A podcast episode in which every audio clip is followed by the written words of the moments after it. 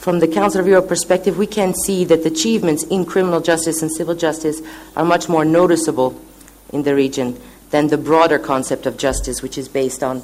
uh, societal reconciliation and on uh, institutional reforms in order to make those sustainable into the future.